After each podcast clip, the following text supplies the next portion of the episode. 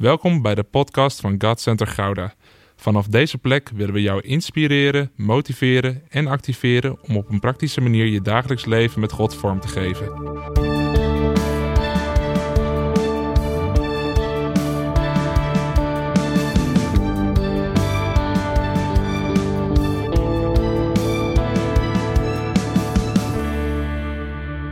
Hey, wat gaaf dat je er ook deze keer weer bij bent. In deze zevendelige serie kijken we naar alle ik ben uitspraken en wonderen van Jezus in Johannes Evangelie. En dat doen we aan de hand van het boek dat ik heb geschreven, Dit is Jezus. En we leren Jezus op een veel diepere manier kennen wanneer we die woorden en wonderen aan elkaar verbinden. En dat doen we dus ook in deze podcasts. Iedere aflevering staat er één ik ben uitspraak centraal en die koppelen we dan aan een wonder. En dat is ook hoe ik dat in het boek heb gedaan. En tijdens het schrijven kwam ik er elke keer weer achter dat we het hart van Jezus dieper leren kennen wanneer we zijn woorden en wonderen laten samenkomen. En daarbij hou ik de volgorde van het boek aan. En dat kan je trouwens al bestellen via de website van uitgeverij Scholten of gewoon op jeroendorstein.nl. En we zijn alweer toegekomen aan de vierde Ik Ben uitspraak van Jezus. En vandaag gaan we kijken naar Ik ben het licht voor de wereld. En dat is dan weer een van de meest bekende uitspraken die Jezus deed, nadat we een van de onbekendste hebben behandeld, de deur. En deze uitspraak gaan we leggen naast het wonder dat Jezus deed over het genezen van de blinde man in Johannes 9. De bediening van Jezus is op dat moment in volle gang. En overal waar hij komt, lopen massa's mensen hem tegemoet. En hij wordt overal gevolgd om maar een glimp van die tekenen en die wonderen op te vangen. De lessen die hij leert, die zijn anders dan die van de schriftgeleerden. Ze slaan aan en ze raken niet alleen de ratio, maar ook het hart van de mensen. Het volk is onder de indruk en de schriftgeleerden die maken zich druk. De boodschap van liefde, bewogenheid en hoop, het is een boodschap van licht in donkere tijden. En het zijn woorden van licht in een donkere wereld. Het licht der wereld is aan het werk. En dan in Johannes 9 komt Jezus langs een man die vanaf zijn geboorte af aan al blind is. En in het tafereel dat we in deze passage lezen, zien we eigenlijk hoe donker de wereld echt is. We krijgen vooral even een blik in de donkere gedachtenwereld van de mens. Ook van de discipelen, die al tijden met Jezus optrekken en al die liefde, bevestiging en bemoediging al hebben gezien. En terwijl we dit verhaal behandelen, moet je even goed onthouden dat Jezus kort hiervoor de overspelige vrouw niet heeft veroordeeld, maar vrijsprak. Hij liet de genade en de liefde van de Vader zien, elke stap die hij hier op aarde zette. En ze lopen dan langs een blinde man. En hij is niet blind geworden door een ongeluk of door een ziekte. Nee, van zijn geboorte af aan is hij al blind. Nooit heeft hij iets kunnen zien. Nooit heeft hij anderen kunnen zien. En alles wat hij weet, het is door op de tast op onderzoek uit te gaan. Nooit licht in zijn ogen, nooit de schoonheid van de natuur aanschouwd. Nooit de mooie kleuren van Gods creatie kunnen zien. Het is altijd donker in zijn leven. En met welke vraag komen de discipelen dan? Heeft hij zelf gezondigd of waren het zijn ouders? Wat een vraag. Vol veroordeling en minachting. Geen seconde houden ze er rekening mee dat het een gevolg kan zijn van de gebrokenheid van de wereld. Nee, dit moet wel zijn zonde zijn. Of dan in ieder geval van zijn ouders. En kan je je indenken, iemand die van zijn geboorte af aan al blind is, die dat dan hoort, die vraag. De discipelen wisten misschien niet dat hij vanaf zijn geboorte af aan al blind was, maar het oordeel in die vraag wordt al over die man en zijn familie uitgesproken. Maar Jezus beantwoordt die vraag heel kort. Nee. Hij en zijn ouders hebben niet gezondigd. En dan kiest Jezus ervoor om de focus helemaal te verleggen. Niet kijken naar dat wat is geweest, maar kijken naar de bestemming. Dit is Jezus, die je niet wijst op waar je vandaan komt, maar jou richt op de nieuwe bestemming die je hebt gekregen in Hem. En mensen kunnen dan denken: waar komt het vandaan? Jezus zegt dan juist: Gods werk moet door Hem zichtbaar worden.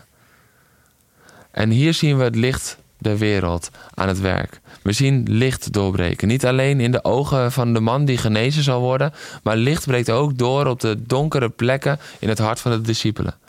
En hoe vaak is het in jou en mijn leven ook niet zo? Dat we vanuit onze eigen beredeneringen zo misplaatst oordelen? Of hoe vaak lijken we niet meer op de discipelen dan we willen toegeven? Dit is waarom de discipelen met hem moesten leven, met hem moesten optrekken. Ze moesten niet alleen Jezus werken zien, maar ze moesten ook zijn hart ontdekken. Het licht der wereld. Het schijnt ook zijn licht in onze harten.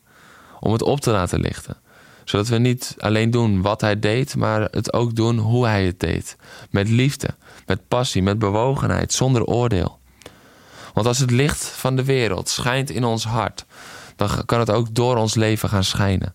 En dat is wat Jezus bedoelt met Matthäus 5. Dan wordt Matthäus 5 werkelijkheid. Waar Jezus niet over zichzelf spreekt, maar tegen jou en mij zegt: Jij bent het licht in de wereld, gegeven aan deze wereld. En zullen we dan samen leren van zijn leven en het licht alle ruimte geven? Een ander aspect in het is het gezichtspunt van de blinde man. Zijn wereld was al zo lang donker. En soms kunnen we ons makkelijk vereenzelvigen met hem. Misschien zit jij ook wel in een donkere periode in je leven en hangt er een wolk van zwaarmoedigheid over je heen. Depressieve gevoelens of gedachten maken zich meester. En je loopt in een donkere tunnel en je ziet het licht aan het einde van die tunnel niet meer. Ik heb een aantal woorden van bemoediging voor je. Wanneer je door een donker dal gaat, betekent dat niet dat God op grote afstand is. In Psalm 23 schrijft David erover hoe God met hem is in dat donkere dal. Al gaat mijn weg door een donker dal, ik vrees geen gevaar, want u bent bij mij. David schrijft hier niet dat hij geen gevaar vreest omdat God hem behoedt voor een donker dal. Ook niet dat God hem er overheen tilt. Dat zijn de getuigenissen die we zo vaak zo graag willen horen. Maar toch is dit getuigenis van David iets heel anders, maar raakt het mij elke keer weer. Want ja, zijn weg ging door een donker dal. Maar nee, hij was geen moment alleen. Dat is zijn kracht, dat is zijn zekerheid, dat is zijn rust. En dat is daardoor ook mijn kracht, mijn zekerheid en mijn rust. Dus één, God is niet ver weg. En daarnaast wil ik je ook bemoedigen door het herhalen van het thema van het vorige hoofdstuk. Jezus komt niet te laat. Hoe donker de situatie ook is, hoe lang het misschien ook al donker is in je leven, hij komt niet te laat. En we kunnen beginnen te twijfelen wanneer de klok doortikt, maar hij is in controle en hij weet wanneer de juiste tijd is. Vertrouw op zijn timing, die is altijd op tijd. En afsluitend geloof ik dat dit je zal bemoedigen. Waar Jezus in je situatie komt, overwint het licht altijd. En in zijn licht dat doorbreekt is geen ruimte voor een vleugje duisternis. De man kon weer zien en zijn ogen hadden het licht weer gevat. De donkere tijden waren voorgoed voorbij. En als Jezus in jouw situatie binnenkomt lopen, breekt dat licht altijd door en is het niet te stoppen. De duisternis kan het licht niet tegenhouden, het licht overwint. En hoe mooi om ook in deze Ik Ben-uitspraak weer dat hart van Jezus dieper te leren kennen. Ik wil je uitdagen om deze hele serie te blijven volgen. En de komende keer gaan we natuurlijk weer verder met de volgende Ik Ben. Namelijk Ik ben de weg, de waarheid en het leven. Ik hoop je dan weer te zien en ik hoop dat je geïnspireerd bent, ook door dit hoofdstuk heen weer. Tot dan.